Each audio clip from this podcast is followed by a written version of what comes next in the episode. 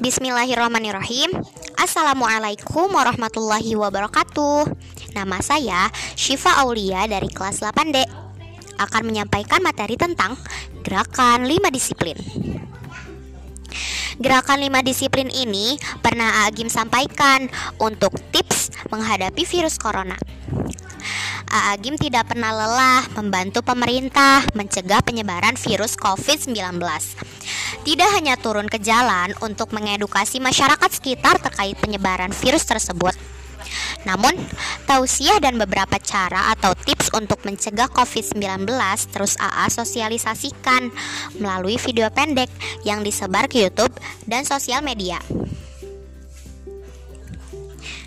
AA sangat berharap lima disiplin ini bisa menjadi salah satu cara yang dilakukan masyarakat dalam menghadapi COVID-19.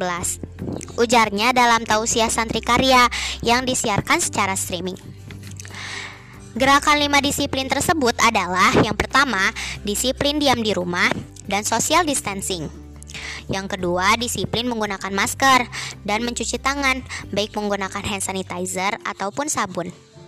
Yang ketiga, disiplin dengan standar tinggi. Yang keempat, disiplin berolahraga dan makan makanan bergizi.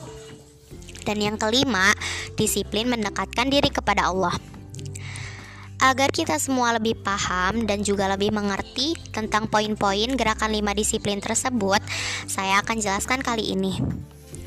Jadi yang pertama tadi adalah disiplin diam di rumah dan social distancing saya teringat akan satu hadis yang berhubungan dengan diam di rumah ini saat ada wabah. Rasulullah Shallallahu Alaihi Wasallam bersabda, jika kamu mendengar wabah di suatu wilayah, maka janganlah kalian memasukinya. Tapi jika terjadi wabah di tempat kamu berada, maka jangan tinggalkan tempat itu. Hadis riwayat Bukhari. Dengan kita di rumah aja, itu bisa memutus rantai penyebaran virus COVID-19 ini. Tetapi sebenarnya apa sih arti social distancing itu?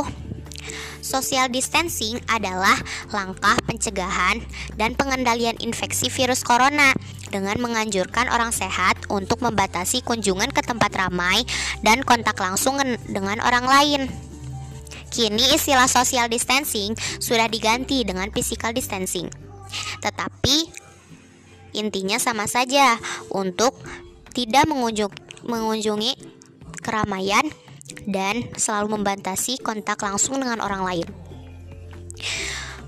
Poin kedua adalah disiplin menggunakan masker dan mencuci tangan. Kita diwajibkan pemerintah untuk memakai masker saat keluar rumah, baik yang sehat ataupun yang tidak enak badan.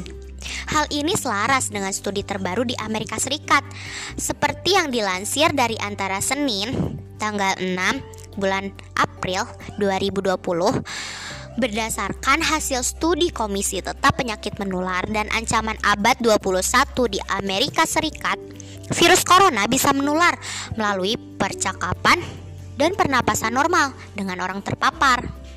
Maka dari itu, kalau keluar rumah, jangan lupa untuk memakai masker. Selanjutnya, mencuci tangan juga tak kalah penting setelah memakai masker.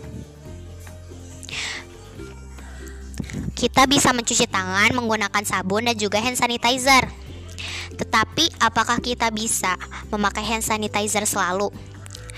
Menurut pakar kesehatan, pakar kesehatan tersebut menyarankan kita menggunakan hand sanitizer yang memiliki alkohol minimal 60%. Hand sanitizer non alkohol justru kurang efektif membasmi beberapa jenis kuman. Kalian dapat memakai hand sanitizer pada saat mempersiapkan makan, sebelum makan, menyentuh orang sakit, dan ketika membersihkan luka. Jadi kita tidak selalu bisa menggunakan hand sanitizer. Atau untuk penghematan, kita bisa menggunakan hand sanitizer pada saat keluar rumah saja. Sedangkan di rumah, kita memaksimalkan untuk mencuci tangan. Poin seterusnya adalah disiplin dengan standar tinggi. Maksudnya adalah meningkatkan apa yang sudah pemerintah putuskan. Saya teringat akan hadis Rasulullah yang berhubungan tentang ini juga. Rasulullah Shallallahu Alaihi Wasallam bersabda, seorang Muslim wajib mendengar dan taat dalam perkara yang dia sukai atau benci selama tidak diperintahkan untuk bermaksiat, maka tidak ada kewajiban mendengar dan taat. Hadis riwayat Muslim nomor 7144. Maka dari itu, apabila perintahnya untuk kebaikan, kita jangan membantah karena itu sendiri untuk kebaikan kita dan juga orang lain. Tetapi apabila sudah melenceng, maka kita boleh membantah dan tidak mendengarnya. Untuk poin selanjutnya adalah disiplin berolahraga dan makan makanan yang bergizi. Menurut dokter olahraga sekaligus wakil ketua bidang sport science KONI atau KONI Pusat, Dr. Andi. Olahraga dengan intensitas yang cukup sangat dianjurkan sebab hal ini dapat menurunkan resiko terinfeksi virus corona. Adapun durasi ideal berolahraga adalah 30 menit hingga 1 jam. Apabila olahraga lebih dari satu jam, justru akan membuat daya tahan tubuh menjadi lemah dan rentan terkait kondisi virus corona yang semakin mewabah. Dokter Andi sangat menganjurkan untuk berolahraga di rumah. Nah, maka dari itu rajinlah berolahraga di rumah. Banyak olahraga banyak bentuk olahraga yang dapat kita lakukan selama di rumah. Maka jangan sia-siakan ya. Makan makanan bergizi juga tidak kalah penting setelah berolahraga. Pola makan sangat terkait erat dengan daya tahan tubuh manusia ketika terserang COVID-19. Seseorang dengan pola makan yang baik tentu saja mempunyai daya tahan tubuh yang lebih baik dibandingkan dengan seseorang yang mempunyai pola makan tidak baik. Prinsip dari pola makan sehat adalah AB3, yaitu aman, bergizi, beragam, dan berimbang. Aman itu artinya bebas racun. Sedangkan bergizi itu artinya makanan yang kita makan haruslah mengandung karbohidrat, protein, lemak, dan lain sebagainya. Serta harus minum yang cukup. Selanjutnya adalah beragam. Artinya, sumber makanan yang kita makan haruslah berbeda. Prinsipnya adalah saling melengkapi. Lalu yang terakhir adalah berimbang. Kita jangan sampai memasukkan nasi terlalu banyak dan lauk yang terlalu sedikit. Haruslah kita menyimpannya di dalam piring dengan porsi yang seimbang yang sudah ditentukan. Nah, maka dari itu, makan makanan bergizi juga sangatlah penting. Haruslah kita perhatikan dan haruslah kita jaga. Jangan lupa diamalkan ya. Dan yang terakhir adalah Disiplin mendekatkan diri kepada Allah. Tidaklah Allah menurunkan suatu wabah, melainkan ada hikmah di baliknya. Seperti yang dikatakan Ibnu Hajar Al-Asqalani rahimullah, ia berkata, di antara hikmah adanya wabah adalah pertama, agar manusia tidak panjang angan-angan. Yang kedua, memberikan kesempatan untuk memperbaiki amal. Yang ketiga, menyadarkan diri dari kelalaian. Dan yang keempat, mempersiapkan bekal untuk menghadapi panjangnya perjalanan menuju akhirat. Kita juga selama social distancing ini jangan lupa mengingat kematian untuk mendekatkan diri kepada Allah. Dan juga wabah ini adalah cara Allah mencintai hambanya. Kenapa? Coba bayangkan, kita dipaksa hidup sehat di saat kesehatan diabaikan. Kita dibatasi untuk berinteraksi di saat pergaulan bebas tak terkendali di luar sana. Lalu kita juga dipaksa untuk tidak berjabat tangan di saat hubungan bukan mahram justru malah diabaikan. Kita juga dibasmi dari sifat sombong selama wabah ini. Karena ada dalam firman Allah dalam Quran surah Luqman ayat 18